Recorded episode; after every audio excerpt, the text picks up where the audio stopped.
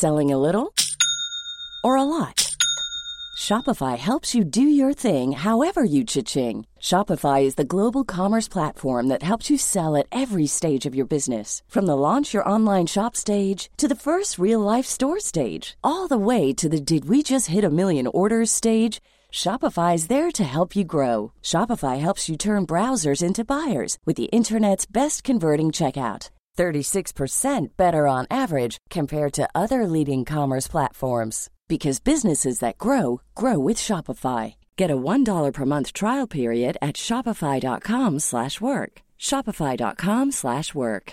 Normally, being a little extra might be a bit much, but not when it comes to healthcare. That's why United Healthcare's Health Protector Guard fixed indemnity insurance plans, underwritten by Golden Rule Insurance Company, supplement your primary plan so you manage out of pocket costs. Learn more at uh1.com.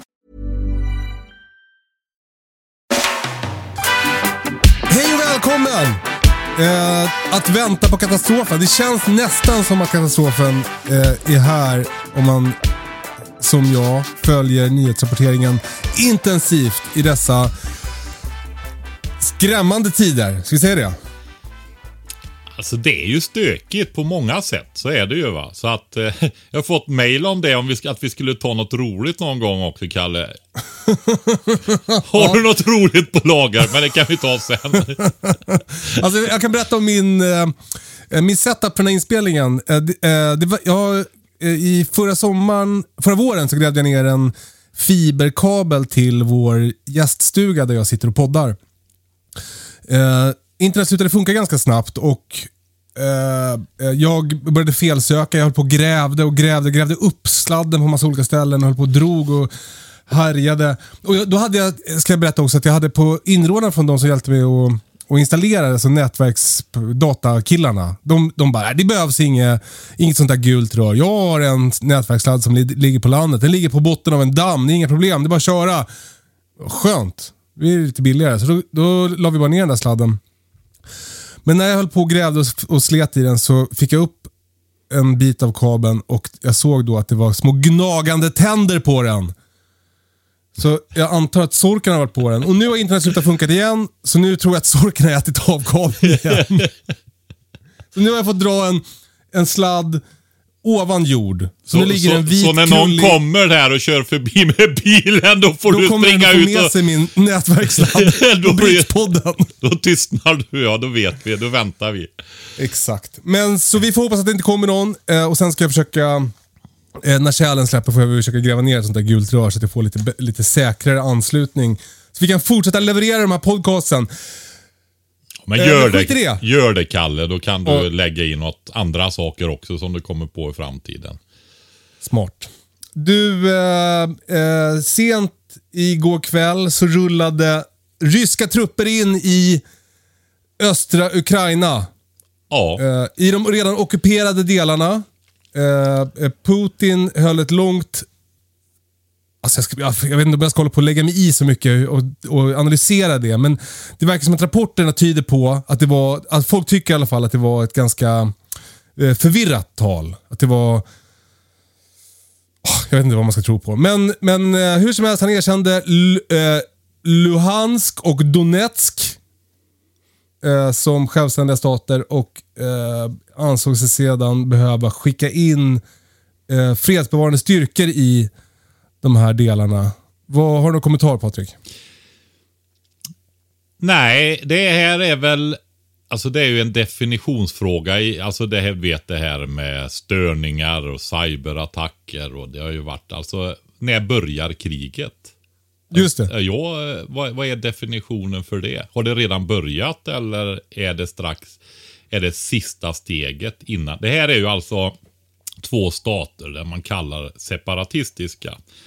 Och det var ju där eh, det kom in massa gröna män som alltså, alltså ryska soldater utan förbands och nationsbeteckningar på, va? som hjälp, hjälpte dem. Så att jag tycker inte det är fel att använda det där ordet som du sa. Även om, eh, ja men i Sverige så får, vill ju skåningarna bli fria va. De har ju varit ockuperade i 400 år över det nu.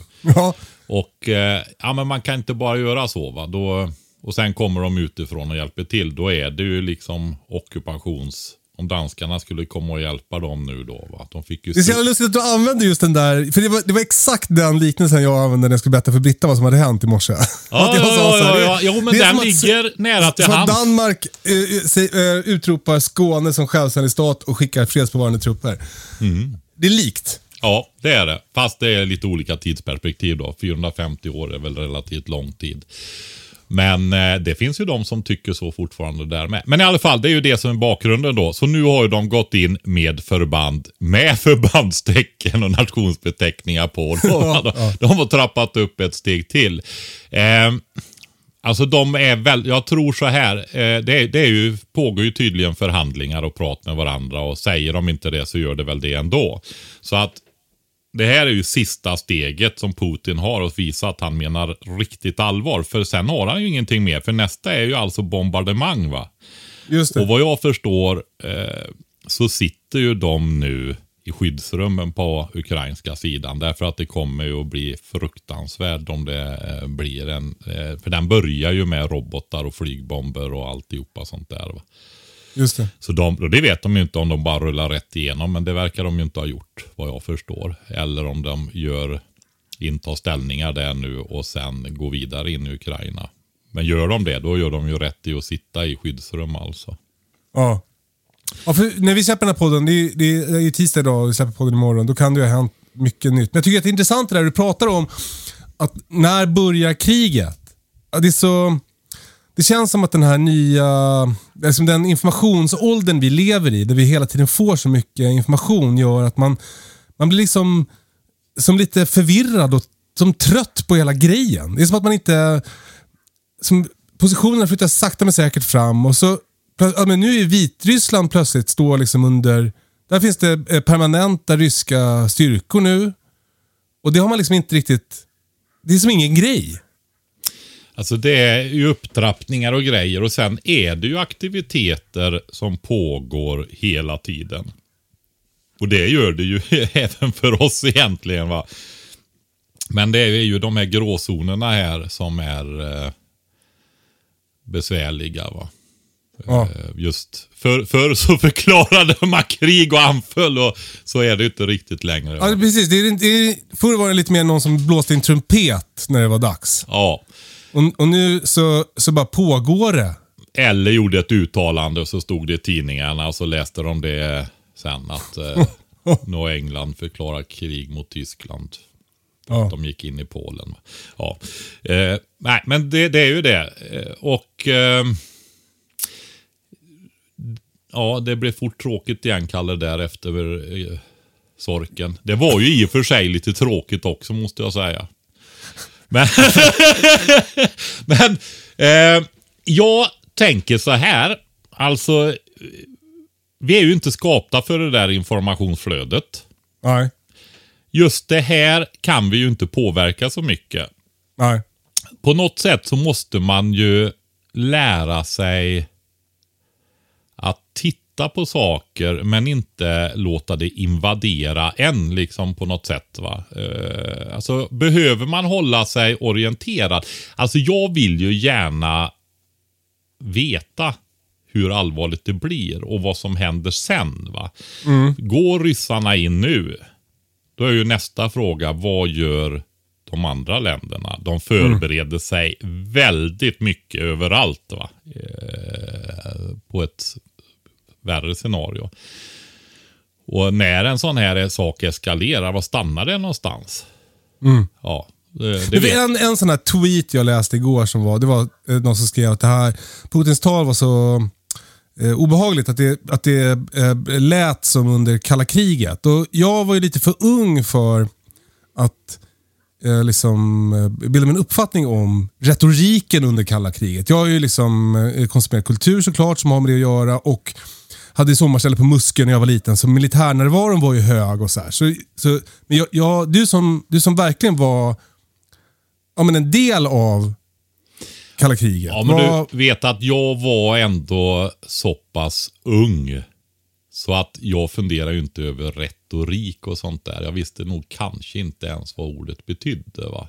nej, Nej, Utan du vet, jag var ju ute och ja, vi har ju en från K4, en 40-åring som gör värnplikten som vi följer. Det är ett av de få kontona som vi följer på i väntan på katastrofen faktiskt. Han är ute på sina sista övningar nu. Och han skulle göra en eh, skidmarsch på fem, fem mil nu då, snabbt upp. Kortare tid än 24 timmar upp i, i bergen där. Va? Och jag, med tung, mm. Det är jättetunga ryggsäckar. Och jag, ja. jag, bara kommer ihåg det här, du vet när det var djup snö. Och så ja. åker du med en tung ryggsäck uppe va. Du vet. Ja. Går det åt fel håll så går det åt fel håll väldigt fort när man välter.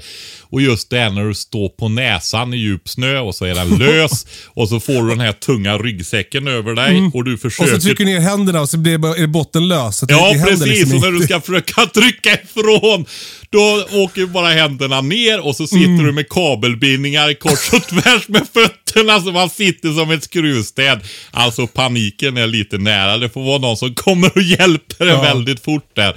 Sånt höll jag på med. Jag Just det, du hade fullt upp och bajs i en påse liksom. Ja, precis. Ja, det gjorde vi inte. Vi körde i gropar. Ja. Men mm. jag förstår. Men, men ja. eh, är, det här, är, liksom, är det här det nya kalla kriget? är väl min fråga.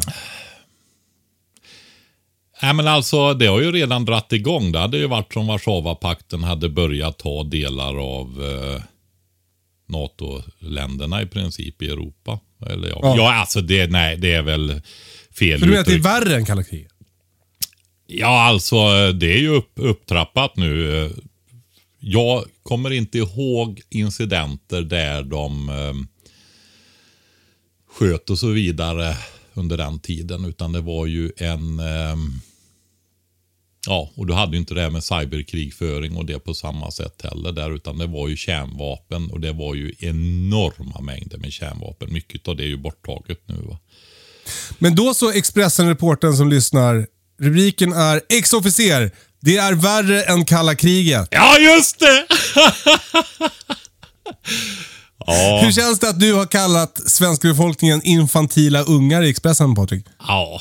Ja men alltså jag är ju ganska, alltså jag var ganska rak och tydlig med de där journalisterna. Alltså som jag kan vara här också. Alltså jag bara säger ju, alltså jag känner väl att jag går på slak lina många gånger även i podden här va. Alltså, mm. mm. mm. nej men nej, det är ju så här att det blir för mycket för en del och det blir, man vill inte blanda in för mycket politik va. Därför nej. att vi vill ju att oavsett och, ja men du vet, alla ska vara med och höja beredskapen, vi ska hjälpas åt, vi ska lära varandra och, och så vidare va. Eh, och få så många, och engagera folk i det här va. För både du och jag tycker ju att det är allvarligt där och då, då vill man ju inte göra det va. Eh, men eh, saken är ju att det är ju det. Men det roliga är ju så här att vi pratar ju vet du, om vatten och hur viktigt det är att kunna koka vatten. Och du vet massa sådana här grejer. I 35 mm. minuter pratar vi. Och så lyckades de ur det materialet plocka ihop en utskällning av svenska befolkningen. och så är det ju lite som jag som inte är, eh, ja jag skrev ju det för jag är självironisk där. Alltså Kalle får mediaträna mig lite men han ser mig nog som ett hopplöst fall tror jag. Exakt. Ja men du vet, tänka efter ja. när jag pratar, det går ju inte. Jag sa det till och med till journalisten där alltså så här, för hon bad mig sitta still för du vet när de ska klippa ihop va. Ja, ja, ja. Så kan det inte bli att helt plötsligt så sitter jag långt fram och sen lutar jag mig bakåt och flaxar med armarna ena stunden. med skägget. och du vet, då sa jag till henne så här, du. När jag pratar, står jag upp då, då får jag hålla i mig så jag inte välter, sa jag. Så det, tänka efter det går inte, så det, det tog de inte med som tur var. Eh, men i alla fall, eh, det är just det här med infantila ungar. För mig var ju det lite, du vet så här, Alltså jag skäms nästan att säga det. Men du vet, man tänker och så pratar man lite vid sidan om berättelsen va.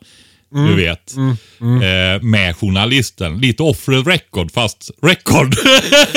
och det blev rubrik! nu har du lärt Patrik. Du, det kommer jag inte ihåg nästa gång heller när jag går in för ett sånt där samtal. Vad är det du brukar säga nu? att upprepa sina misstag är... Idioti! Jo, oh, men man är ju idiot på vissa områden. Det är bara att erkänna.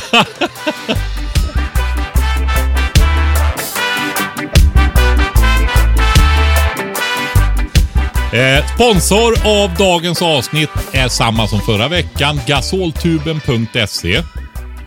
Och eh, där har ni en möjlighet nu. De har en pågående kampanj med bra nedsatta priser i och med att det går mot slutet på säsongen. Och vi har lyckats pressa dem ytterligare 5% Det finns allt som har med gasol ifrån olika gasoltuber hela vägen till kaminer, till kök. Allting sånt finns där. Och eh, koden för att få rabatt där är hemberedskap. Så eh, passa på att utnyttja det för det är ett väldigt fint erbjudande. Gasoltuben.se och tack så jättemycket för sponsringen. Patrik, min kära Patrik.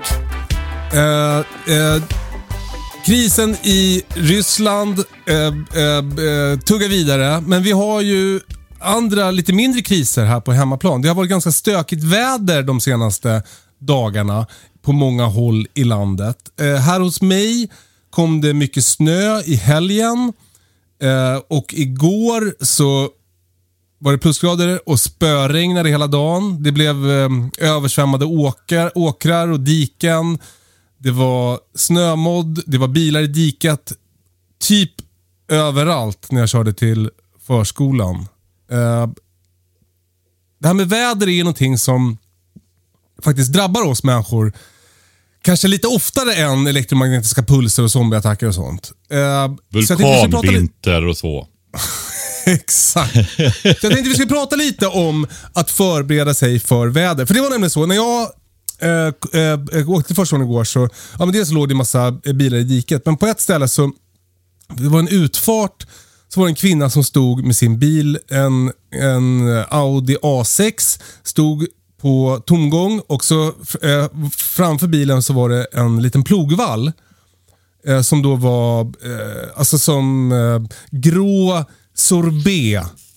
Ungefär 40 cm hög. Och Hon stod och försökte trampa ner den där med sina gympadojor för att komma ut med sin bil. Och, och Då stannade jag bilen och frågade om hon ville låna en spade.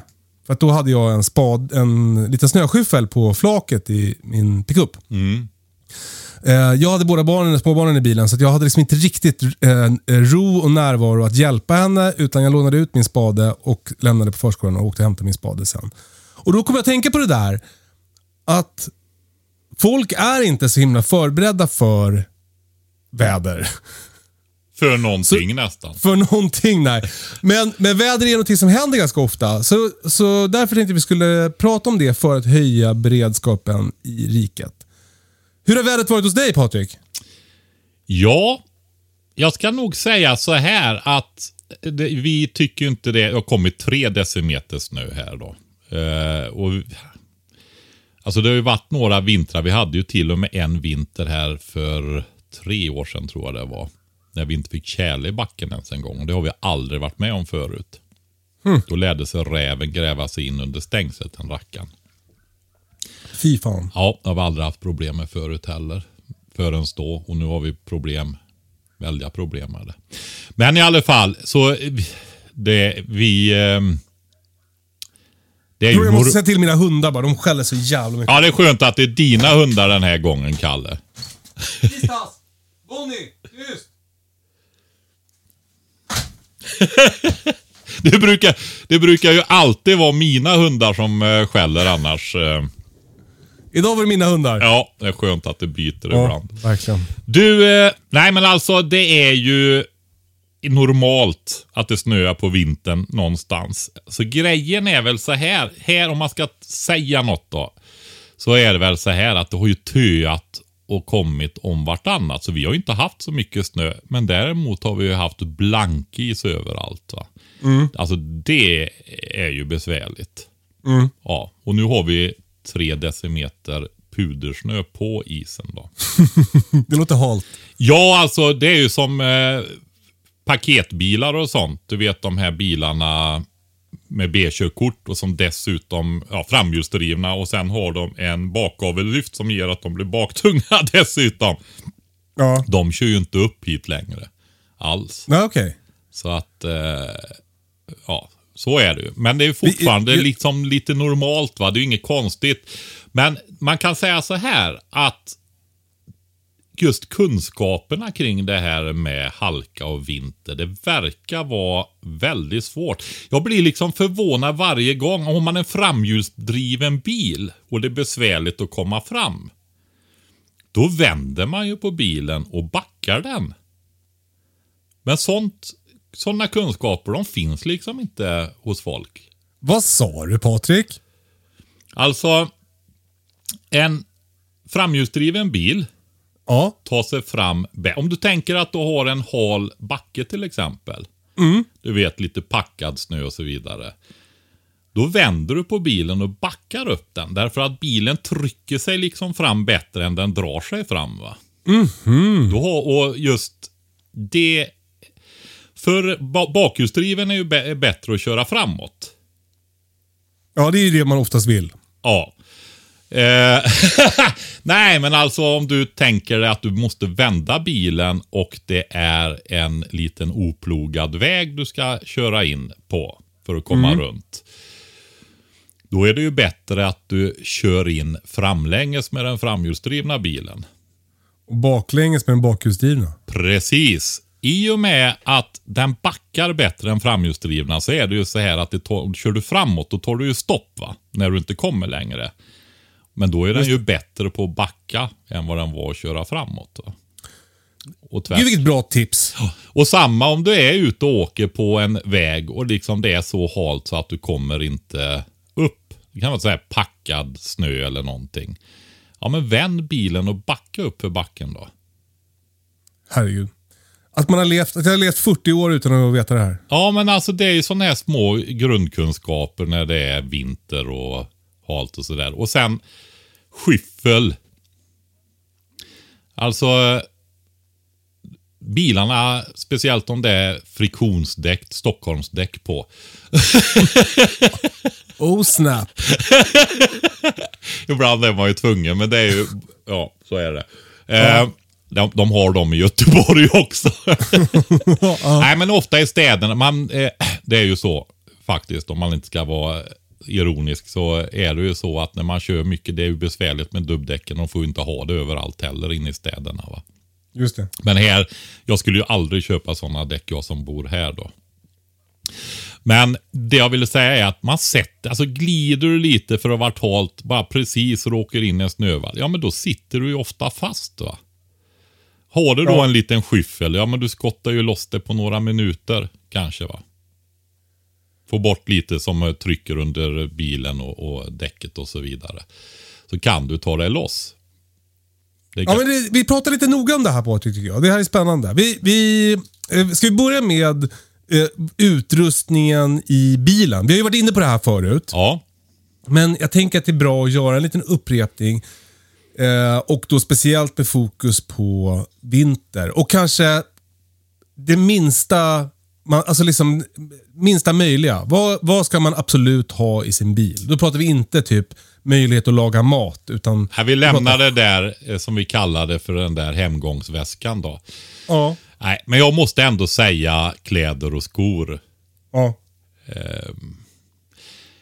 Vi hade ju en incident söder om Göteborg efter motorvägen i snöovädret där. Där folk blev sittande i eh, drevsnö, lastbilar blockerade och allting. Och eh, de hade inte ens vatten i bilarna eller någonting. Va? Det satt en ung mamma med sin mamma och sin bebis i en bil bland annat. Herregud. rapporterar de ifrån. Va? Ja men du vet, sitter du då där i pumps eller tennisskor, du kan ju inte ens lämna bilen. va. Nej. Nej, för då förfryser du ju fötterna jättefort. Va? Du kan ju inte gå där eller ta dig gåendes därifrån en gång. Så det här du sa just tennisskor där när hon stod och packade snön där. Va? Så, så är det. Och speciellt om du har barn, alltid barn, så är det ju så att allting blir mycket värre för dem. Va? De kyls fortare, de värms upp fortare, ju mindre de är ju värre är det. Ja. Svårt att hålla kroppstemperaturen och så. Så nej, men man ska ju ha rejäla vinterkläder. Det vet jag att Britta är ju från Umeå, din hustru. Så hon är väl noga med sånt va? För det har hon väl ändå i kroppen. För det är ju lite... Ja men exakt, det är ju väldigt, väldigt noga. Man har alltid liksom täckbyxor när man kör bil på vintern. Inte på sig, men med sig. ja, Och bra precis. skor, mössa och vantar och sådär. Ja, för så är det va.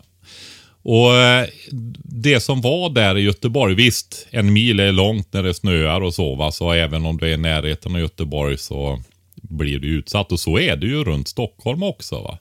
Eh, eller Malmö eller, ja, det, ja för Skåne så skrattar man ju mycket åt deras vintrar och så vidare. Men de kan verkligen ha besvärligt när det väl snöar där och blåser gör det ju där va.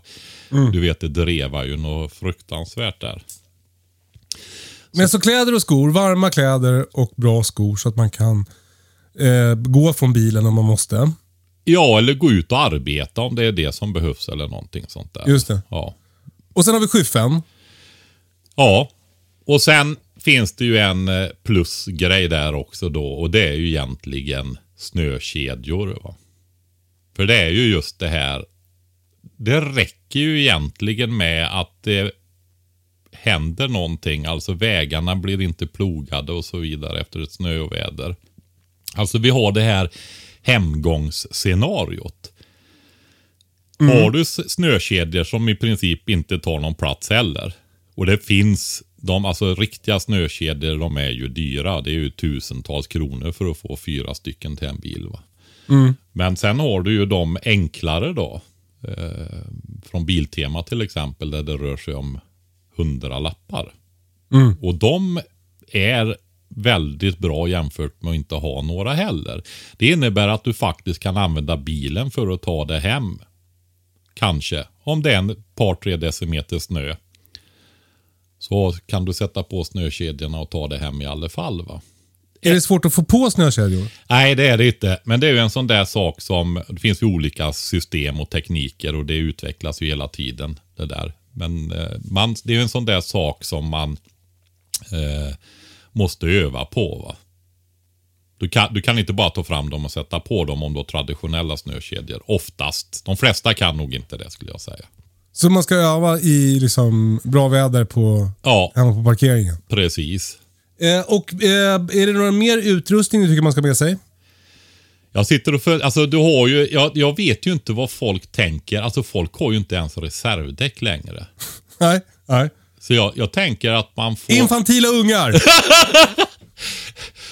Alltså, ja. Nej, men ja, du får för- leva med det där Patrik. Ja. Nej, men alltså de har ju det här med sprayburk och sådär och det, det funkar ju alltså. Men jag tänker ju det här om, ja men tänk om du måste evakuera. Kommer inga bärgningsbilar och hjälper dig eller byter däck eller sådana här grejer va. Alltså när du måste, speciellt om man bor i stan där man liksom är mest så här att det alltid är någon som kommer och hjälper dig. Va? För man lever ju verkligen inne i det här där man är otroligt beroende av varandra och det är tjänster höger och vänster hela tiden. Va? Men, tä- och där, men där kan det ju också vara det här att du kanske måste lämna. Så eh, börjar man tänka i beredskap då är och jag, ja. Det är ju några som bor i lägenheter och jag tycker ju det är jätteroligt att vi har med oss så många det. För att våran profil är ju inte, vi försöker ju ha med dem med utrustning och tänk i det här basa, enklaste basala. När vi Ja. pratar gasol till exempel här, eh, då är ju det perfekt. Men att det kanske är lite färre gasol, mindre gasoltuber man får ha sådär. Men att vi har så många som lyssnar på oss. Men många utav dem, de odlar grönsaker på balkongen tror jag faktiskt. Som lyssnar här. Men de hör av sig till mig. Så, och de ställer ju frågor och det har varit jättevärdefullt för mig. Jag har ju bott i lägenhet i Umeå när jag var ung officer. På Ålidhem. Jag gifte mig till och med där faktiskt, i Ålidhems kyrka. Och min son föddes där. Så jag har ju bott i lägenhet, men jag har ju väldigt lite erfarenhet eh, av det. Va? Det är ju 30 år sedan, över det. Och då lär jag ju mig utav de här på deras frågor. För utifrån deras frågor så kan jag ju använda min bredare erfarenhet. Då, va? Men jag ser ju det att bor man i lägenhet och det blir allvarligare kriser. Alltså, om man, inte, om man bara vill förbereda sig för, för två, tre dygns elavbrott liksom eller sådär. Men är det så att man vill förbereda sig för lite längre, alltså att nu blir det strömavbrott länge här va. Nu kommer det inte att fungera, varken toaletter eller el eller värme eller någonting. Tänk dig att sitta i de här områdena med tusentals lägenheter som finns. va. Mm. Alltså du måste ju ta dig därifrån och ha någonstans att åka. Ja. Då får man ju börja tänka på sådana här grejer som hur ser det ut på vägarna va. Har du snökedjor så kanske du kommer iväg ordentligt även om det är oplogat. Va? Just det. Och då är det ju så här att då gäller det ju att ta sig iväg innan det blir igensatt allting. Så agera fort. Ja, alltså du får be, göra en bedömning det här med att få information för att ta beslut alltså. För alltså jag tänker det, tänk där i kylan på vintern. I något sånt här område i Göteborg där runt omkring. Med de här stora lägenhetsområdena som finns. Ni har ju samma i Stockholm också och bor där. Och så fungerar Alltså tänk all jävla skit. Fan, det måste ju bli dysent... Oj, nu svor jag där. Men dysenteri och kolera och herregud alltså. Hur många har en sopsäckar hemma för att liksom kunna hantera det överhuvudtaget med spännband? Va? Jag tror Nu, inte det är så många. fråga, hur ska man veta när man ska sticka då? Alltså du måste ju få information. Och Det är därför radion är så viktig. va. Men, och vilken information ska göra att jag bestämmer mig för att evakuera? När du bedömer att det här blir långvarigt. Alltså mer än dagar. Ja. enstaka dagar eller några dagar så tror jag man ska åka iväg. Och då gäller det ju också att ha bränsle. Så vart ska du åka? Vad har du folk? Det här måste du ju göra upp i förväg. Att blir det... Alltså då ska du ha någon som... Ja men det blir ingen kris förstår du väl. Det har inte varit något sånt allvarligt på si och så länge. Ja, nej men du måste ju ha någon som vill detta och är beredd på det. Och, har du någon förälder som bor ute på landsbygden några mil bort eller så, så kan du ju ha det och göra upp med dem att man kommer dit. Titta över hur har de det med vatten och så vidare, för det är ingen självklarhet. Alltså jag hör ju ofta det här att på landsbygden säger man det, ja men vi klarar oss ju i stan, de inte kan och så vidare. Och så tittar man då och börjar granska hur det är på landsbygden också. Nej men alltså de har ju ingenting de heller. De bara tror att det är så himla bra va. Visst, generellt sett så är det ju bättre på landsbygden. Absolut. Men många som bor på landsbygden har inte så bra förspänt heller då. Va? Så är det. Nej. Så är det. Så eh, man får ju se över den där platsen också. Men då kommer du ju bort ifrån tätheten och oroligheterna och så som blir i en sån situation. va. Men då måste du, alltså du får ha några räkna hur mycket bränsle kommer det gå åt. Om du måste åka omvägar och sådana där grejer. Hur, kanske ska ha dubbelt så mycket bränsle som det går åt för att ta dig dit. Som reserv för att verkligen ta dig fram då, va? när du måste åka stora omvägar och sånt där. Och då får du kombinera det med till exempel om det är längre vägar. Att du får aldrig ha mindre än halv tank i bilen. När du parkerar den. Eller i kombination med reservdunkar då. Har du en liten bil, ja men ta två små fem liters reservdunkar och ställ på golvet bakom sätena eller någonting då. Va? Så att eh, du har bränsle och du har möjlighet att ta dig fram även om det är besvärligare väglag och så då. Va? Och ja, gör en plan kring den evakueringen då. Nu kom vi långt utanför vinter, men det, det, ligger ju, nej, men det ligger ändå nära just för att kunna ta sig från platsen när saker inte fungerar. Va? Det ligger ju, då tänker jag mig ju framförallt vinter, för det är oplogat och så vidare. Va? Just det. Ja, Du, eh, eh, eh, vilket upplyftande avsnitt det blir. Nej, vi får väl ta, jag funderar på det här, vi ska ta och köra ett avsnitt där vi pratar just om Alltså folk tycker ju det händer väldigt mycket i världen och det gör det ju också va. Och det... Vi skulle prata om det i något avsnitt också lite grann. ja, Just Eh, mentala det- bitarna. det får vi återkomma till. Ja. Eh, du, en grej som jag kom på att jag glömde fråga förut var om man kör i, av vägen på vintern. Eh, eh, finns det några... Ja, du nämnde det här med att man skulle backa om man ska vända och sådär för att inte köra fast. Om man har bakhjulsdriven bil. Vad, finns det några andra trick för att eh, ta sig upp på vägen igen? Alltså det är ju det där med grundutrustningen och jag började ju på det med att man har inte ens reservdäck längre va. Nej. Nej. Tänk om du får punktering där under den där evakueringen och så hur bra håller det där sprayen liksom. Istället för att då ha ett åtminstone riktigt hyfsat reservdäck att sätta på. Va? Och kan byta sig byta till det också. Det är också en grej som man får öva på då. Va? Eh, men sen har du ju sådana saker som startkablar, boxerlina. Jag tror, de där bitarna tror jag inte ens vi tänkte på förra gången vi pratade om det här alltså. För det är ju sån grundutrustning, det, det hör ju till bilen liksom va. För där Ja. har du ju draglina, att du kan dra loss en bil helt enkelt. Ja. Och om man sen uppgraderar det där, om man har en lite större bil så är det ju bra att ha med sig kanske lite längre rep, kanske några spännband som ligger i bilen om du ska lasta saker på taket. Jag åker och hämtar brädor ganska ofta, då är det bra spännband. Men de går ju också att ha när du vill ta dig loss. För den som vill göra lite självstudier så jag kan nog inte förklara detta muntligt.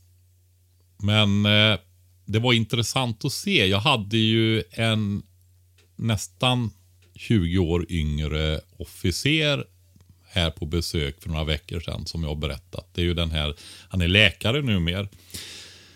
Och eh, hans GPS lurar iväg honom in på en liten, liten väg här. Alltså nästan en skogstraktorväg va. Men det går att köra bil där. Men det var ju bara det att det var ju fem centimeter blankis under snön va.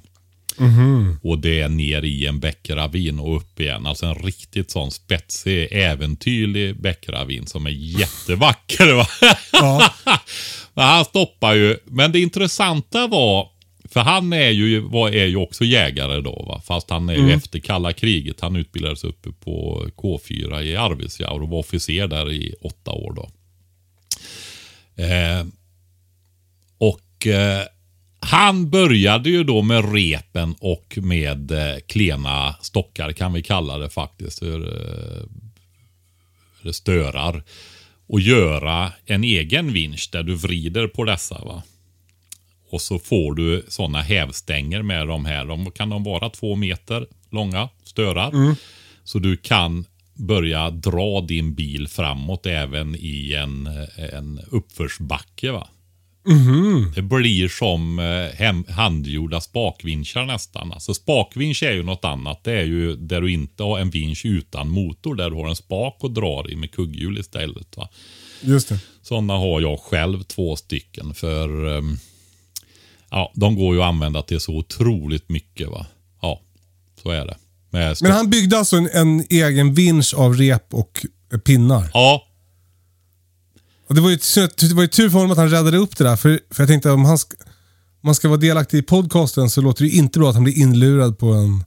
Nej, men det är GPSen. Jag kan säga att han är ju inte den första. Det är när de kommer från Arvika-hållet så vill de att de ska köra den där vägen till mig genom skogen. För den är ju kortare va? Ja, jag förstår. Så är det. Men eh, hur som helst så... ehm, ja. han kom inte loss, det var för besvärligt. Men han hade flyttat bilen väldigt långt. Men du vet på den blankisen, han kunde ju i en backe, han kunde ju aldrig komma därifrån. Det var ändå en, i, en av de bättre fyrhjulsdrivna bilarna då. Så att det var ju så att en traktor kom med kedjor. Men det var Okej. knappt att den, med, du, med dubb på kedjan alltså. Oj. Och det var knappt att den eh, lyckades ändå. Va? Men det är en grej, så att eh, det, är ju, det tror jag inte gemene man ska ha spakvinschar i bilen på vintrarna. Ja, jag tänkte mer typ så här, bryta av grankvistar och lägga under däcken och sånt. Ja, du kan ju öka friktionen.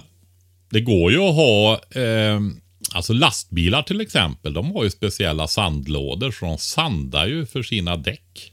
Mm. Så visst kan du ha det. Det står ju ofta i backar också vid, när man är ute och kör. Ja. Eh, salt är ju en sak. Alltså är det sån här blankis så eh, ja, det är ju fantastiskt. Jag får ju använda det. Jag, du har ju varit där så du, jag, även på tomten här så har jag ju en backe man får gå upp för. Va? Ja. På grund av berget och jag vill inte spränga och sånt där. Ehm, Och där kan det bli riktigt halt. Va? Så jag har ju salt. Som jag, och är det blankis, alltså du vet så här så du inte kan gå upp överhuvudtaget. Jag kan alltså gå och slänga det här saltet och gå bakom saltet och det är helt superfriktion alltså. Jaha. Så salt är och det finns små hinkar att köpa med salt i som du också beroende på storlek på bil och så vidare kan ha då. Va? För att är det besvärligt, ja men gå ut och släng lite salt så är det bara att köra upp. Tänk att svaret på be- beredskapsfrågor nästan alltid är ha salt hemma. Ja, många är ju det. När det gäller havssalt, aldrig under ett halvt ton. Nej. Nej. Har du lärt dig nu? Kalle? Du Patrik, eh, eh, vi annonserade ju att vi skulle prata om väder idag i podden och eh, efterfrågade därför frågor på temat på Instagram, där vi heter I väntan på katastrofen. Vi har naturligtvis fått alldeles för många frågor för att kunna svara på dem i podden. Men jag tänkte vi skulle riva av några stycken. Ja, men kör på dem, för jag tycker att det är... Nu har vi gett några grejer där. Eh, Det, eh, med utrustning i bilen och det går ju att fylla på. Ja, så att man inte själv får plats i bilen såklart. va. med bra grejer. Men det får vi stoppa där. Och så kör, för jag tyckte det var, kom väldigt mycket och väldigt många bra frågor måste jag säga. Ja, kul. Eh, eh, första frågan. Hur tänker ni om HARP? Går det att styra vädret? Vad är HARP? Alltså, eh, Är det en konspirationsteori? Nej. Alltså, vad, alltså jag har inte studerat så väldigt mycket det där. Men det är lite kusligt alltså. Eh, Jag har faktiskt inte gått in och studerat det. Jag har bara hört talas om det. Och jag har trott att det är liksom sån här forskning och så vidare. Men nu eh, fladdrar det förbi i samband med OS att vissa länder håller på att manipulera vädret. Och eh, Kina är ett sånt och där kunde de ju då göra ett bättre väder under OS. På riktigt?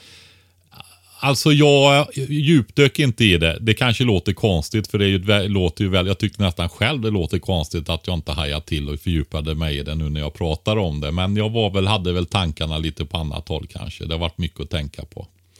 Eh, men så- är det va. Så att eh, det verkar ju som att det är utvecklade tekniker som används va. Och det... mm, Det verkar också lite som att det är mycket konspirationsteorier kring det här om man läser lite på internet. Ja, ja, men det finns det ju. Det har du. Det, du halkar du in på det här med eh, flygplanen och så vidare. Men du vet, Kalle, det där med konspirationsteori. Det är ju alltså ett ord som används för att Eh, alltså, du vet, används för att neutralisera och fördöma folk som ifrågasätter grejer. Va? Eh, alltså konspirationer, det finns ju. Det har ju funnits så länge det har funnits människor. Och då är det så här, hur, de håller ju på att konspirera nu i Ukraina där. Det är ju hur mycket konspirationer som helst. Eh, då kan man säga att pratar du om det, ja, du håller på med konspirationsteorier. Va? Men sen är det ju mycket tokerier också. Jag tycker det är ett bättre ord som det kan vara i vissa fall. Och ibland är inte tokerierna tokerier, men man tror det. Och ibland är de det. Men när det gäller det här med, eh, det är inte långsökt att de kan påverka moln och sådana grejer.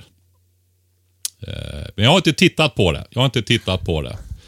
Då tycker jag att vi säger att vi inte vet. Nej, det är bra. Men det, för den som är intresserad så går det ju att titta på det. Och jag, jag tror att den informationen som fladdrar förbi mig runt omkring OS kan ha varit relevant information. Ett tips kan vara att gå in och kolla på YouTube om HARP så kommer din algoritm aldrig vara densamma igen.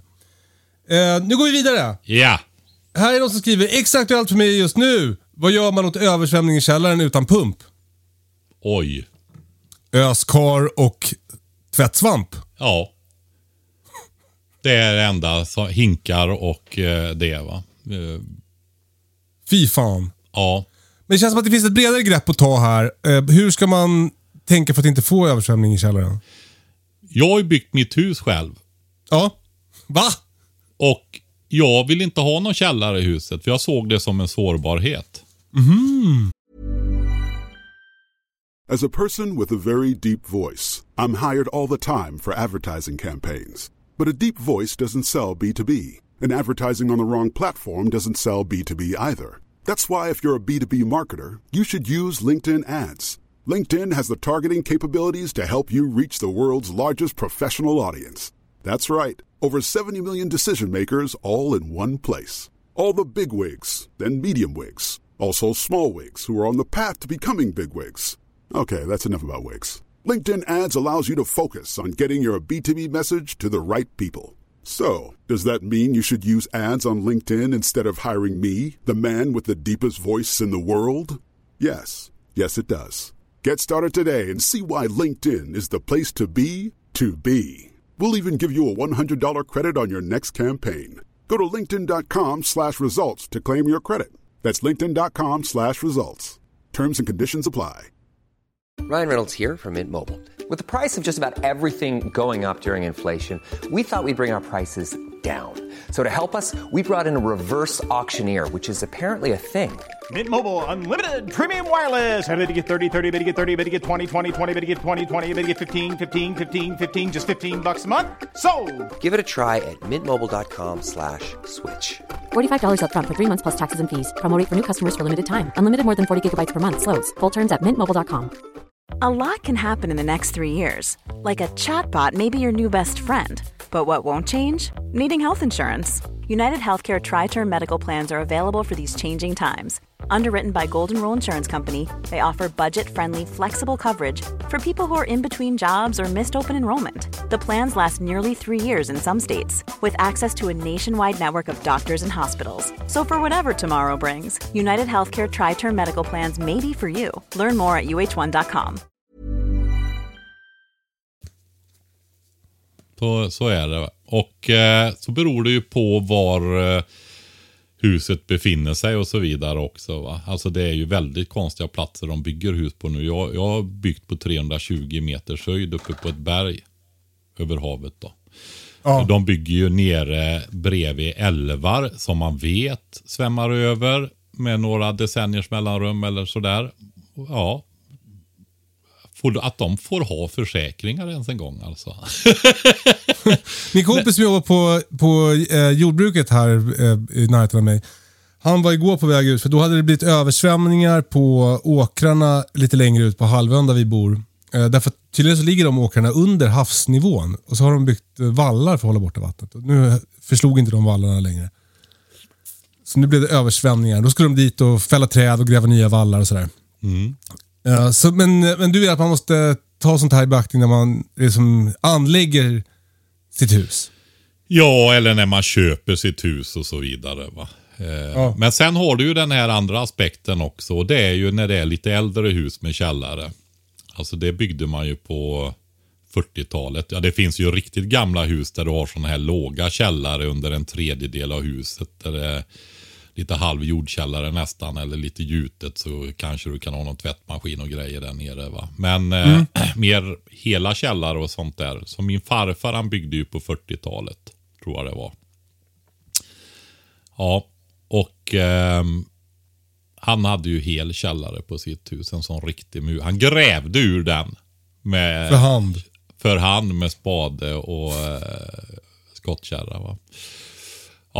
Så är det. Men eh, det gäller ju dräneringen då. För den sätter ju igen. På äldre hus så kan det vara så att man måste göra ny dränering då. För att få bort vattnet. Just det. Eh, Men och en annan, ett annat tips till frågeställaren kan väl också vara om, om du bor så att du nu vet att det kan bli översvämning i din källare. Så är väl ett tips att skaffa en pump. Ja. Du har ju sådana dränkbara pumpar. Ja, som man stä- jag. ställer. Ja, jag har, jag, vi pratade om det här när jag grävde och borrade en ny brunn här. Mm. Så blev det ju så alltså jag har ju en källa här. Så det bara rann som en kran som är uppskruvad rätt igenom det grävda dikets vägg. Rätt ut i diket när vi skulle dra in slangen då. ja. Så att det gick ju inte att jobba där. Så mycket var det. Det var liksom inte bara det här liksom att eh, det var som någon stod och spolade med en grov slang rätt i. Va? Där skulle jag ha gjort det. Ska jag ju göra en, en grävd brunn eller en sån här spetsbrunn som vi har pratat om. Nej, Just men då gick jag ju och hämtade den här pumpen. Det är bara, de har enorm kapacitet dessutom oftast alltså. Många liter, stort flöde. Ehm, men då gäller det ju att man har ström då till en sån. Ja, Och den, och en bra slang. Ja, precis. Och det finns ju speciella till dem. Det är ju inga jättedyra grejer då. Ehm, Jag har en dålig slang, den lossnar hela tiden. Jag måste ha en ny. Ja. ja, där är ju de här eh, att du jobbar med klokopplingar. Det har jag ju berättat för dig. Att gå bort ifrån de här, du som håller på med odling och så, bevattningssystem. Gå, gå över till de här mässingsklokopplingarna istället. För det, de spricker och åldras och allting, de här plast... Sluta stressa mig Patrik! Jag har fullt upp redan. Ja, Nästa fråga. Har ni odlat kronärtskockor? Är det svårt? Nu väntar du här. Här är vem som har missuppfattat eh, hela temat för frågestunden. Eh, jag svarar. Eh, jag har odlat kronärtskockor. Nej, det är inte svårt. Men börja nu. Så dem nu. ja Eh, det, Och plantera ut dem i början på... Jag kommer inte ihåg. Eh, Slutet på maj. Ja, alltså det beror ju på frost och sådana där grejer. Alltså det är egentligen en perenn växt. Så, men den är ju, tål ju inte de hårda vintrarna här uppe. Det finns, nu kommer jag inte ihåg, herrgård kan det vara det. Det finns en med förut. del, eh, visst finns det någon som heter herrgård? Jag har inte Jag, jag minns det odlat, som jag att du inte kom på odla. förra gången vi pratade om Ja, jag odlade kronärtskocka. Det måste vara 15 år sedan jag gjorde det sist. Jag tycker inte det är värt det. Men jag har jag haft heller. väldigt fina eh, kronärtskocksplantor som jag har krukat om och du vet de är 30 centimeter när man sätter ut dem och sådär. Så att de, jag har ju ett kallare och ja, kortare växtsäsong och så här och framförallt förr så var det ännu kortare. Och då vill man ju ha stora plantor så de är bra igång. va. För de ska hinna få upp de här fina blomknopparna då va? och kronärtskockshjärtan och sånt där. Men det finns i alla fall om det har lite bättre. Som du tror jag skulle kunna odla de här perenna gamla sorterna som man har odlat. För då får du ju som buskar som skickar ut. Så det skulle kunna vara någonting om du letar upp det. Jag tror det var herrgården hette. Ja, spännande. Ja. Det får vi kolla upp. Det har ju viss anknytning till vädret eftersom den är känslig. Nästa fråga. Kan man planera trädgården på något sätt för att bättre ta hand om kraftigt regn?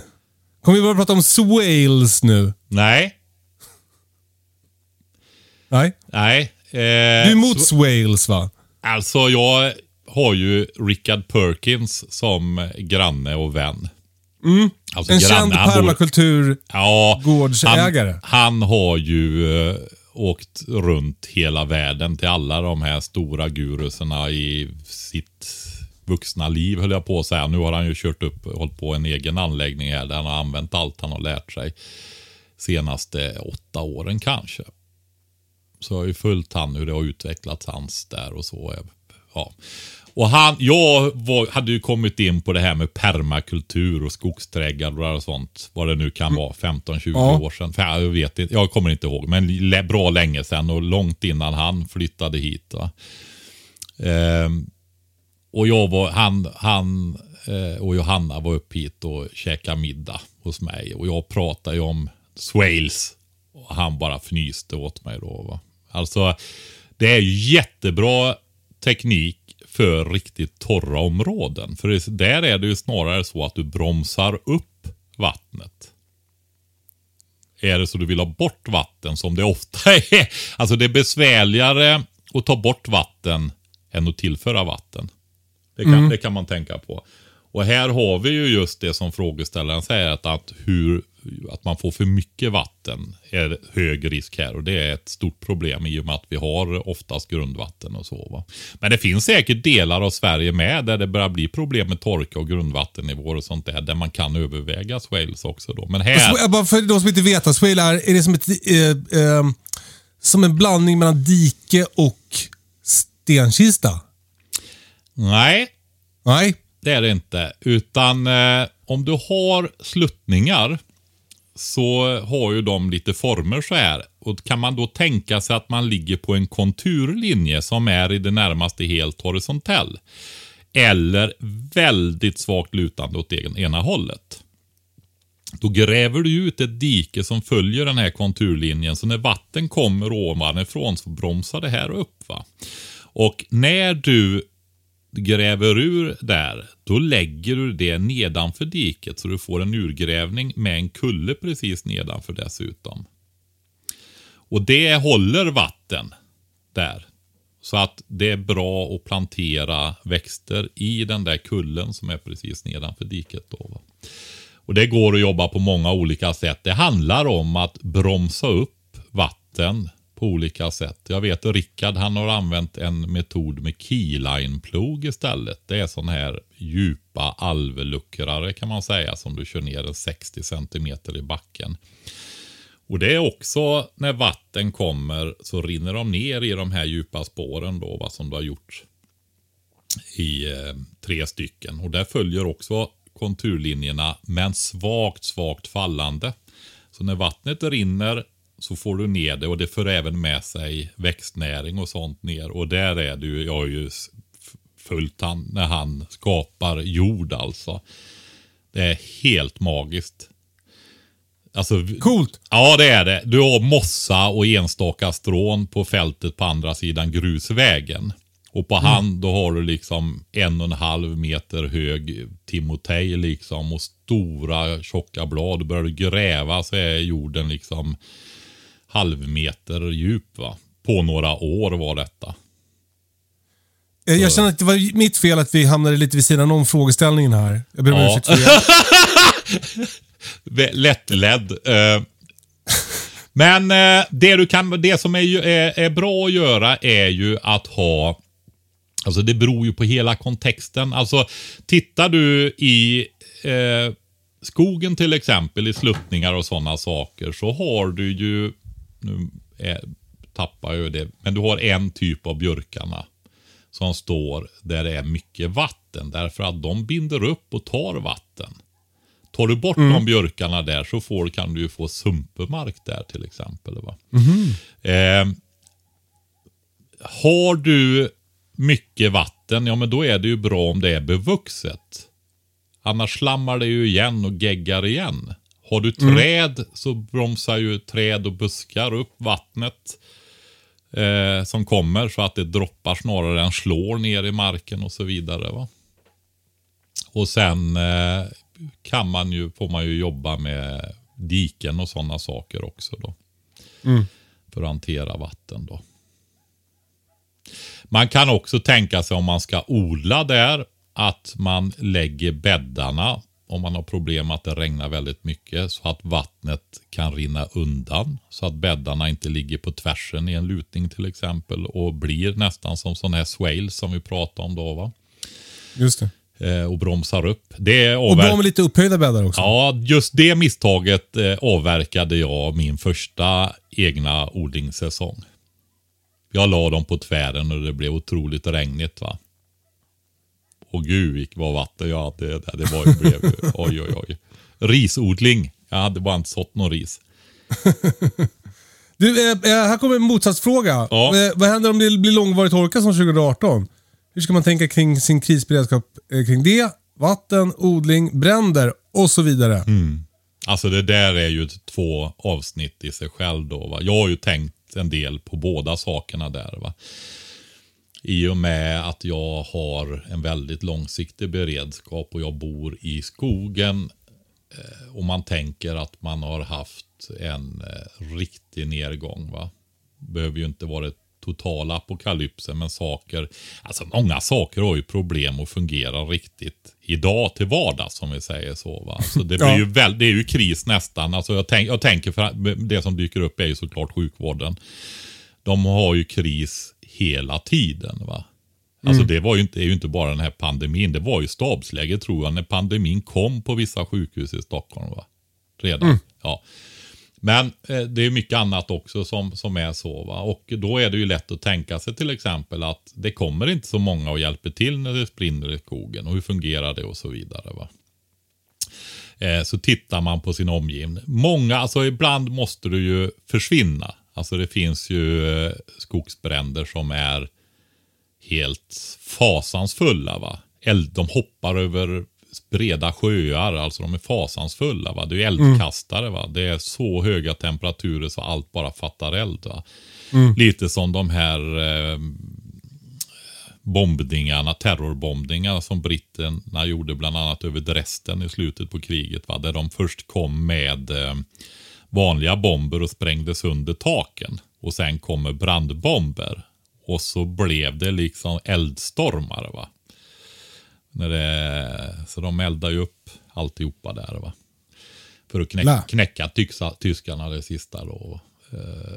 Då förstår du inte med en vattenkanna med stril. Nej, det gör ju inte det. Men så där kan det bli i skogsbränder också. va.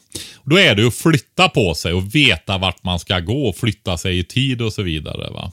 Men Hålla sen koll. många gånger när man är på skogsbränder och så också så kommer de ju krypande efter backen. va. Mm. Så är det ju också. Det beror ju på hur det ser ut just runt omkring dig. Och det går ju att, vet inte hur mycket man ska ta med sånt där, men det går ju att Alltså man börjar diskutera grejer och tänker sig att allt har, har ramlat samman. Då är det ju nödlösningar som ligger utanför vad man får göra och sånt där för att rädda upp situationen. Men nej, vi går inte in på det. Men Alltså, du menar däremot, att man ska elda lite runt sitt hus eller? ja, möta elden med eld om man säger så. va. Fight fire with fire! Ja, så är Som att det. dricka en bärs när man är bakfull. Nej, men har du områden med tät barrskog runt dig till exempel. Det blir ju, brinner ju väldigt bra och då blir det nära huset. Kommer elden eller skogsbranden en bit ifrån, ja, tänd eld på din sida av det där så det hinner brinna emot elden ett tag då så du inte får det precis på dig med allt, hela kraften där. Va? Just det. Typ sånt. Eller så går det att göra med gräsbränder också som kommer som okontrollerade och sånt där. Va? Så att då, då finns det ju ingenting för elden att brinna i om det redan har brunnit upp när det kommer nära. Va? Och då kan du ha det lite mer kontrollerat. Men jag har ju gjort så. Jag har ju bevattningssystem och pumpar och olika möjligheter att, att pumpa vatten. Va? Eh, jag har ju min djupborrade brunn som jag kan få ström till på många olika sätt. Du behöver inte gå in på det, det har vi pratat om tidigare. Men det är ju ett sätt att få upp vatten. Det är ju inte grundvatten, det är ju djupvatten. Va? Utan det är ju reservoarer längre ner. Eh, och då är ju den första bevattningsanläggningen jag köper, det är spridare, sådana här sektorspridare. Och det är ju för att det är en del av brandskyddet också. Därför att med hjälp av dem, om jag kan hålla igång en pump även utan elektricitet med elverk, bensindrivna pumpar eller vad det än är för någonting. Va? Eh, så kan jag ju blöta ner områden runt huset. Ganska Smart. stora områden om jag har tillgång till brunnen eller som reserven i mitt fall är IBC-tankar. Den anläggningen är för tillfället inte färdig eh, och jag har lite mycket IBC-tankar med. Så bor man i närheten av mig i Värmland här och vill ha IBC-tankar så har jag till salu. Då får man Åh! kontakta mig. Jag vill Bra med lite. Kan man få rabatt om man lyssnar på podden? Alltså, Ja, man vet bara om erbjudandet om man lyssnar på podden. Ja, precis, precis, precis. Nej, men det går att kontakta mig på det som man vill köpa någon eller några stycken. Så är det. Jag skulle göra fiskodling, men jag fick ta det i nästa liv som min hustru. Så att jag har lite fler än vad jag behöver till regnvatteninsamlande. Ja, så är det. Eh, Jag, jag har ju grävt en damm eh, lite för det här ändamålet. Eh, jag har lagt ner eh, regnvatten från taket på bostadshuset till den. Det är nytt för, ja, i höstas fixade jag det. Och nu är dammen väldigt, väldigt stor och översvämmad. Och eh, Vi får se hur den, hur den håller vattnet till i, i vår sen. Men det blir spännande att se. Men det är väl antagligen svaret på det här med, med odlingar. Att man måste ju ha vatten sparat på något sätt. Eller möjlighet att få upp det ur långt ner i marken. Ja, och just när det gäller bevattning så har vi ju pratat om det tidigare också. Just det här med att man underskattar oftast hur mycket vatten det behövs. Va? Men vet man med sig att det är torka, då går man ju och inte har, alltså det beror ju på storlekar, alltså alltid med hela kontexten så blir det ju olika lösningar beroende på. Va? Men om man utgår vad det troligaste är att det är en mindre odling, då går du över på vattenkanna. Ta, säg att du har en eller två IBC med regnvatten. Och vi tar det snabbt då. Ska du ha 25-30 millimeter för optimal eh, tillväxt i grönsaksodling på fältodling då. Så eh, är det 25-30 millimeter i veckan. Regnar det 10 så vattnar du 15 till 20 beroende på jordart och så vidare. Va? Lera kan du vattna lite mindre och sandjord lite mer och kanske till och med dela på det. För det rinner ju undan så fort i sandjord. Va? Men eh, då om du har ett trädgårdsland och potatisland, eller ja, trädgårdsland framförallt och grönsaksodlingen där. Potatisen är, är annorlunda, men det tar vi inte nu. Så är det ju det. 100 kvadratmeter, 10 gånger 10 meter. Du behöver alltså 3000 liter i veckan om det, inte, om det är torka. Va? Och det hör man ju då att då förslår ju inte sådana här vattenreserver någonting. Va? Och det är ju när man kör med spridare och låter det regna ner då va? över hela ytan. Men eh, sen kan du ha droppbevattning. Och det har jag eh, investerat i nu senare också. Men jag tog det här med sektorspridarna först. Och det var just med tanke på att jag ville ha möjligheten att sprida ut mycket vatten över ytor runt huset och så. Va? Eh, och sen är de ju användbara. För droppbevattning måste du ju bygga upp liksom och så. Va? Vill du bevattna ett område så är det ju så enkelt att bara dra ut en slang och ställa en sektorspridare där. Så de är ju lite mer användbara. Men droppbevattningen är ju mycket resurssnålare. Just det. Alltså när du droppar, du kan ju till och med ha nedgrävd droppbevattning. Då blir det ju ingen värme eller avdunstning överhuvudtaget. Då är du ju liksom redan nere i jorden och vattnar rötterna där nere. Va? Men har du en mer flexibel lösning, vill ta in den på vintern för ökad hållbarhet och så vidare, så lägger du den uppe i raden eller mellan två rader om det är ganska tätt och så vidare. Då.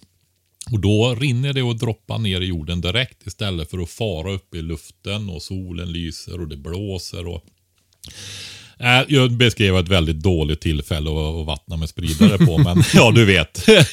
Det hinner försvinna ganska mycket vatten faktiskt när du kör med spridare som inte kommer ner ordentligt. Just det. Så droppbevattning och det tredje är ju att du går till IBC till kranen i botten, fyller. Har du en IBC, det är 110 liters vattenkannor. Då kan du, och då kanske man gör så här om man har vattenbrist och så, så ehm, ja, då kanske man inte vattnar optimalt, utan man kanske vattnar tillräckligt. Just det. Ja, att man, 110 liters vattenkannor, det låter som en kväll i juni för mig. Och jag ser dig springa omkring där i dina shorts och, och foppatofflor med vattenkannor hela kvällen. ja, Ja, jag har alla olika system. Jag har både droppbevattning och spridare och vattenkanna för lite olika platser i min trädgård. Eh, eh, droppbevattning med timer är ju skönast om jag får säga så. ja. Eh, vi går vidare tycker jag Patrik. Eh, här kommer en fråga om att begränsa slash stänga av utrymmen i huset. Hur ska man tänka där? Med kyla. Ja, precis. Jag, jag, jag tror att det är det. Ja. Alltså det är ju också det här med vad har jag för information? Hur långvarigt blir det här? Vad bor jag i för hus? Vad blir det för skador på huset om temperaturen sjunker till exempel? och så. Va? Är det en lägenhet, har vi sagt tidigare, så är det ju oftast bara en sida som är yttervägg. Om du inte har en hörnlägenhet och då har du ju två sidor på lägenheten som är utåt. Va? Just det. Så att eh, har du ett fristående hus då är ju allt en yttervägg. Mm. Så att en lägenhet, det, det är ju det här med gasol. Du får ju inte ha lika mycket gasol i en flerbostadshus som i en, en enfamiljshus. Men å andra sidan så kyls det ju mycket mindre där. va. Och det kan man ju också tänka sig då när man tittar, alltså en riktig sån beredskapstyp. Här har vi en lägenhet.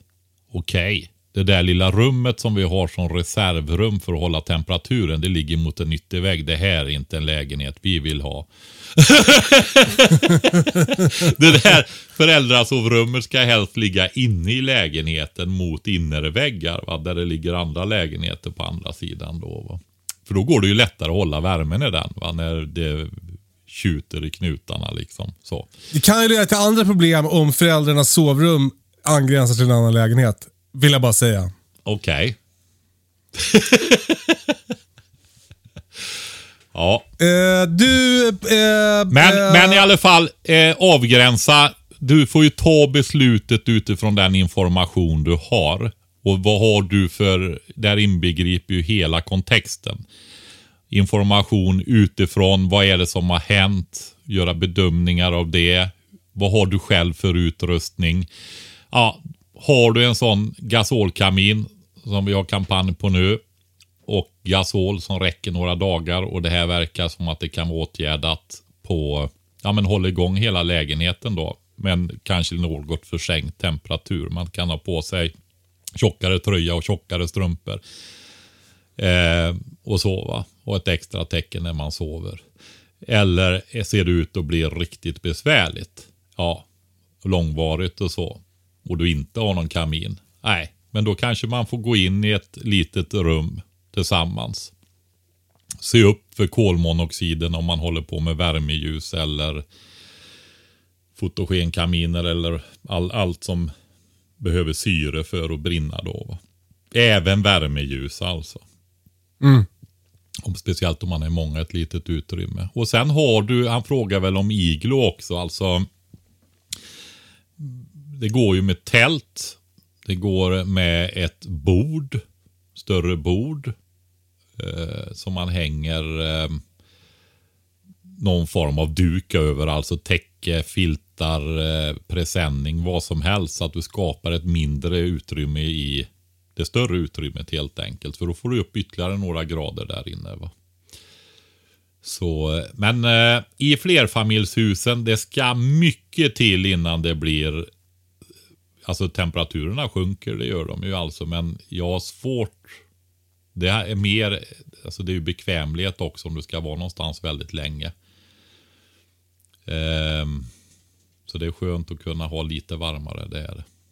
Men om, annars så kan man säga om man begränsar utrymmet och man är flera stycken och är nära varandra, har varma kläder och gott om mat. Va? Då, då, då kan man hålla värmen ganska bra utan någon extern värmekälla. Ja, det, det kan du göra. Speciellt om du tätar och hänger upp. Alltså, förr hade man ju persienner och i många hus har man ju fortfarande det. finns ju äldre hus fortfarande också. Allt sånt där hjälper ju till att bromsa strålningen genom fönstret till exempel. Va? Eh, man kan hänga för saker för att minska värmeutstrålning och sådana saker också. Hänga filtar över fönstren. Eh, man kan om det börjar bli riktigt kallt. Men det är ju hela tiden det här ventila... Det är ju alltid en fördel att blåsa ur ett rum jättefort och byta luft va. Istället för att ha något som står öppet hela tiden och smådrar va. Därför att eh, gör du det fort, ja då byter du luften. Men värmen i saker och väggar och allting är ju liksom kvar i princip. Va? Byt luft, storvädra, kort och mycket är fördelen när det gäller det där då. Smart. Ja, Jag bara kom att tänka på en grej. Jag läste en, en sån här permakulturbok av en som hette Ben Falk, tror jag. Heter han, heter han så? det är nog han som höll på med risodlingar och sånt va? Ja, men exakt. Han, Ja. han bor i, i nordöstra USA, så det, eh, klimatet är ganska likt här. Det är annars en utmaning när man ska läsa böcker om, om spännande eh, projekt runt om i världen. Att ofta är de ju på ställen som inte riktigt som stämmer överens med hur vi har det här i Sverige. Men, men jag tycker han är ganska bra. Han pratar om att, eh, att använda en värmekamera för att se var huset läcker värme. Mm. Det tycker jag var så himla smart. Har du varit ute? Du är ju jägare. De brukar Ja ju precis, det ha var det som var mitt tips. Jag har faktiskt inte gjort det, men jag, jag blev sugen nu när vi pratade om, om det här med att det läcker värme och sådär. För eh, eh, eh, sådana värmesikten är ju, är ju ganska vanligt bland svenska jägare sen man fick börja skjuta vildsvin med sådana. Ja. Om Ja, du känner en jägare så kan du säkert låna ett, ett värmesikte och kika lite på ditt hus och se var värmen tar sig ut någonstans. Alltså det är ju så här, vet du, de här bikuporna jag håller på med och utbildar på och tillverkar och säljer och så vidare. Där är det ju luft under taken och så vidare. Så man ser inte eh, så mycket. Och då är det så här att där är ju en sån kamera perfekt.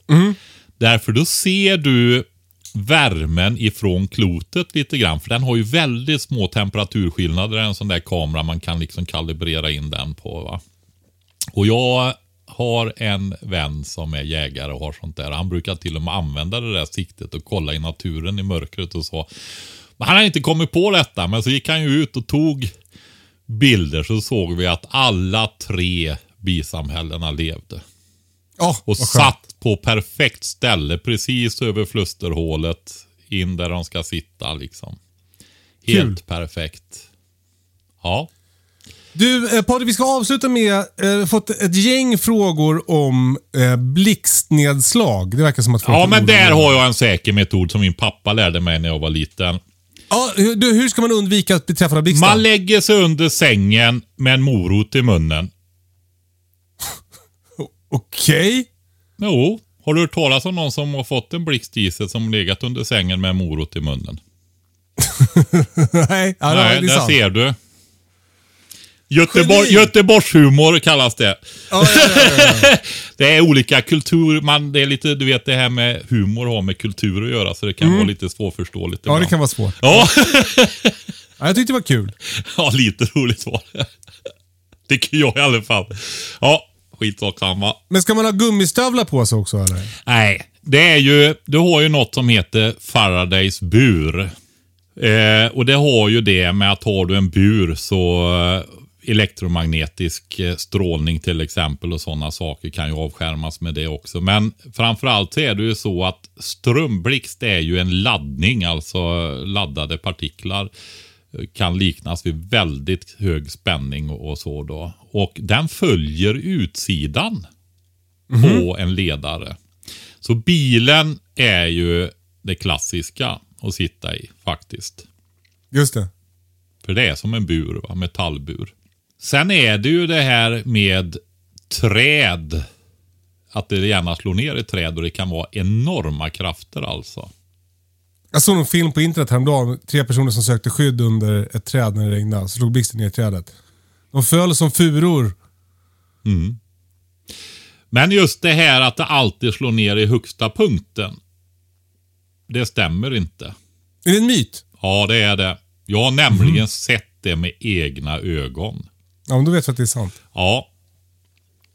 Eh, vi hade, när vi flyttade hit och, på 90-talet så var det, alltså jag är, har ju inte den här eh, åskrädslan, blixträdslan som många har. Jag förstår att de ställer frågorna angående eh, utifrån det lite grann då. Va? Men jag har suttit i bilen här ute. Ofta när vi har kommit hem och kommer i ovädret så sitter vi kvar i bilen då. Och jag kommer så väl ihåg en gång när vi hade varit och badat. Och avbröt det där för det här stora ovädret rullade in då. Så när vi körde upp för backarna här, upp till våran boplats då. Då slog det ner, det var min hustru som körde.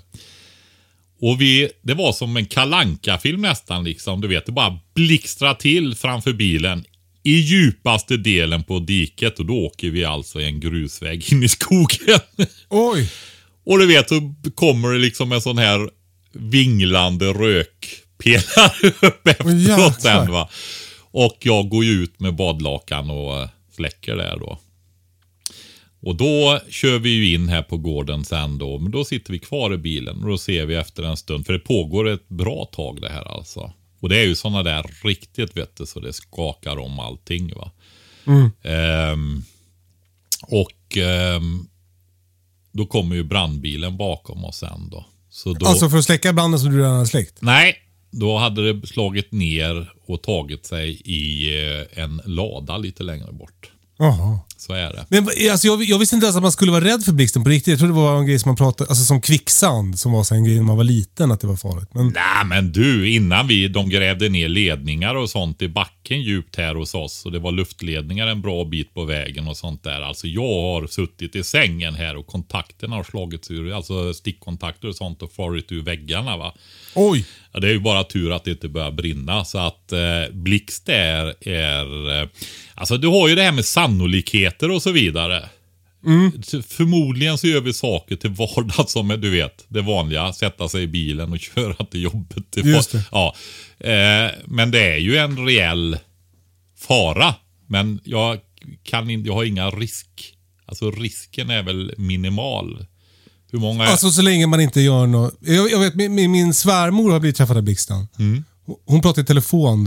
eh, hon skulle ringa till grannen och säga att hon skulle dra ur telefonen ur väggen eller vad det var. Mm. Ja. Och blev då träffad av blixten. Det var ju otroligt eh, läskigt. Ja, det där är ju en sån sak som man kanske kan nämna. För det var ju en typisk grej som alla fick lära sig när vi var barn. Det gäller ju även dig, även om jag är några år äldre. Just det här att när det är Oskar får man absolut inte prata i telefonluren. Det är ju, vi har ju, känner ju alla folk som har fått en blixt i örat höll jag på att säga. Va? Ja. Och de överlevde de så var den ju inte så kraftig då, men att det smäller till i örat på dem. Va? Eh, när de ska ringa till grannen och säga att Oskar kommer nu. Men du, eh, okej, så sitta i bilen är bra. ja, det är ju en... eh, Det, det tycker jag att den som är, eh, är rädd för åskan, alltså den här mentala aspekten också.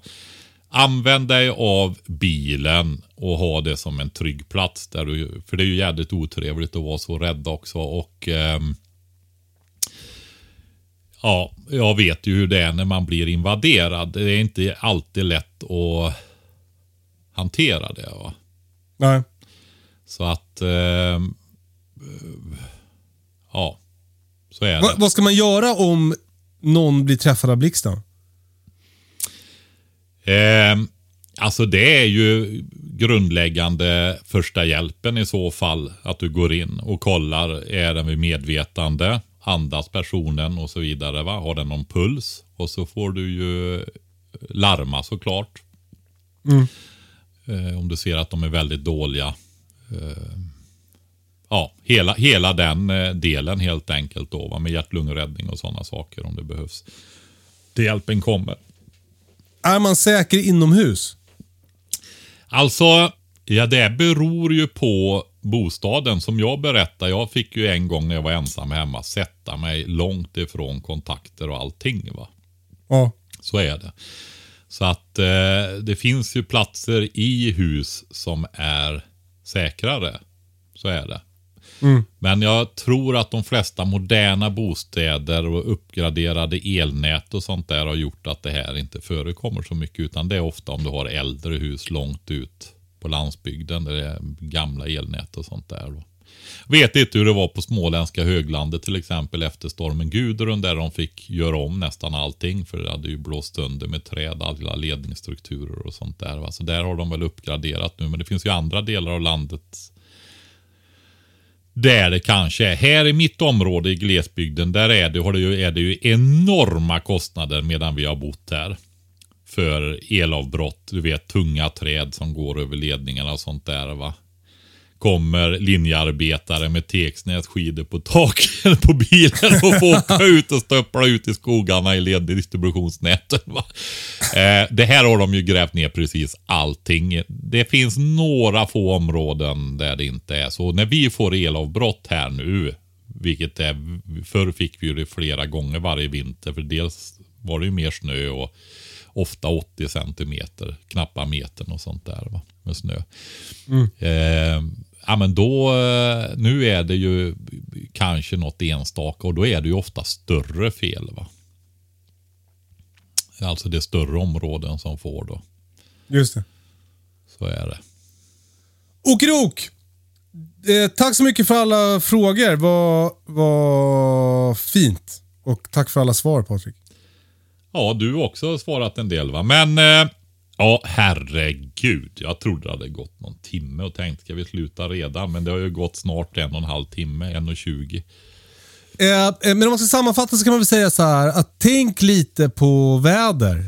För det är en katastrof som drabbar nästan oss alla varje år. Så, så tänk lite på var du bor och vad du gör och hur vädret kan påverka dig och din plats. Och eh, eh, Ha lite varma kläder i bilen om du ska ut och köra när det är kallt. Speciellt om du har barn då så blir det ju extra viktigt. Men jag skulle vilja säga så här att hitta ett förhållningssätt till saker. Att det är roligt att förstå, att det är roligt att lära sig saker. Så lär dig om din plats. Så som människor har gjort genom hela historien. Man behöver liksom inte vara avstängd ifrån allting. va.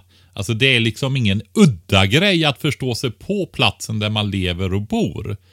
Utan i ett historiskt perspektiv så är det jädrigt knepigt att inte bry sig om det. va. Sitta där som en...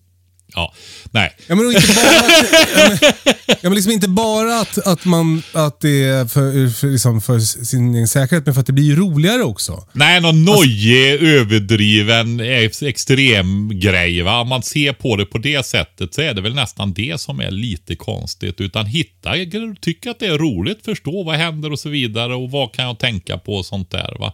Och det gäller ju allting. Eh, Precis. Alltså för det jag skulle säga var, jag gjorde en intervju häromdagen och då, det, det handlar om träd, vi pratar om träd på olika sätt. Och då, då så sa jag så här, typ att det är så härligt till exempel att, att gå i skogen med någon som kan mycket om fåglar är så himla kul. För att då kan de säga vilka fåglar man hör. ja, Och då känner man som en, det- som en högre närvaro och en starkare koppling till platsen där man är. Och, och lite så är det väl med det här också. Ja, men det med guider som visar en in i nya världar. Alltså jag har ju väldigt dåligt, alltså det är med konst och jag förstår mig inte på detta va. Eh, Nej. Men om jag kommer till ett konstmuseum och så kommer det en sån där fantastisk guide. Ja. Ja, men jag kan ju bli helt tagen. Jag kan ju nästan Ja. bara gråta när de visar mig in i den där världen. Va?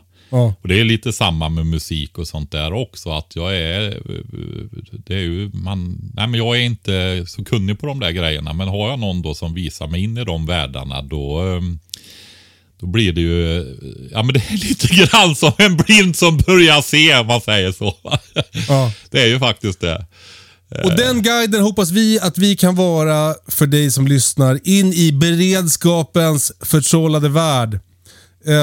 Stort tack för att ni lyssnar. Patrik, du ville avsluta med en grej va? Just det! Jag vill påminna om Prepbox nu i dessa tider här. Våran matlåda med eh, mjukkonserver. Som alltså har lång hållbarhet på flera år och är perfekt att ta med sig även på utflykter och sånt om man vill omsätta det. Men framför allt är det också den perfekta maten att ha ifall man behöver flytta på sig. Alltså ryggsäcksmat och så vidare. Va? I och med att det är mjukkonserver så är det även vatten i. Och Det innebär att du behöver inte bära med extra vatten för att fukta upp det här. Man kan till och med äta den kall, även om det är mycket trevligare att äta den varm då. Och, um, den hittar du på prepbox.se. Det är 18 lunch middagsmåltider och 12 frukostar. Plus en väldig massa snacks. Och totalt sett så är det alltså 25 000 kilokalorier. Och det innebär att för en person så är det minst 12 dagar. Och är man en familj med två barn och så vidare så är det tre dygn då. Och den är perfekt just i det här kortare perspektivet. Lägenhet, villa och så vidare där du vill vara förberedd för en vecka eller två. Då toppar du upp med en eller två sådana lådor. Men sen vill jag också säga så här. Vi vill ju och uppmana till att Alltså det är viktigt det här att vi höjer beredskapen i hela landet. Att vi hjälps åt med det, för vi är ju beroende av, alltså ska vårt samhälle fungera i kris och krig så är det viktigt och det är det vi kan höja snabbt eftersom beredskapen är låg i hela landet så är det hushållen som vi kan höja fort. Prepboxen är den perfekta presenten. Födelsedagar, bröllop, julklappar, nu är det ett tag till dess, men en perfekt present att ge bort till någon som du tycker behöver ha det. Va? Som du, då hjälper du till att höja beredskapen i det hushållet också. då. Prepbox.se. Tack för idag Patrik! Tack Kalle! Vi hörs igen om en vecka. Tack för att ni lyssnar. Följ oss på i väntan på katastrofen på Instagram. Maila hej katastrofen.se om det är någonting. Till exempel om du har en fråga som du vill spela in som ljudfråga. Spela in den i telefonen och mejla till hejkatastrofen.se så svarar vi på den. Ögon och böj! Gärna ljudfrågor. Ta hand om varandra, puss och kram, hej då! Hej då!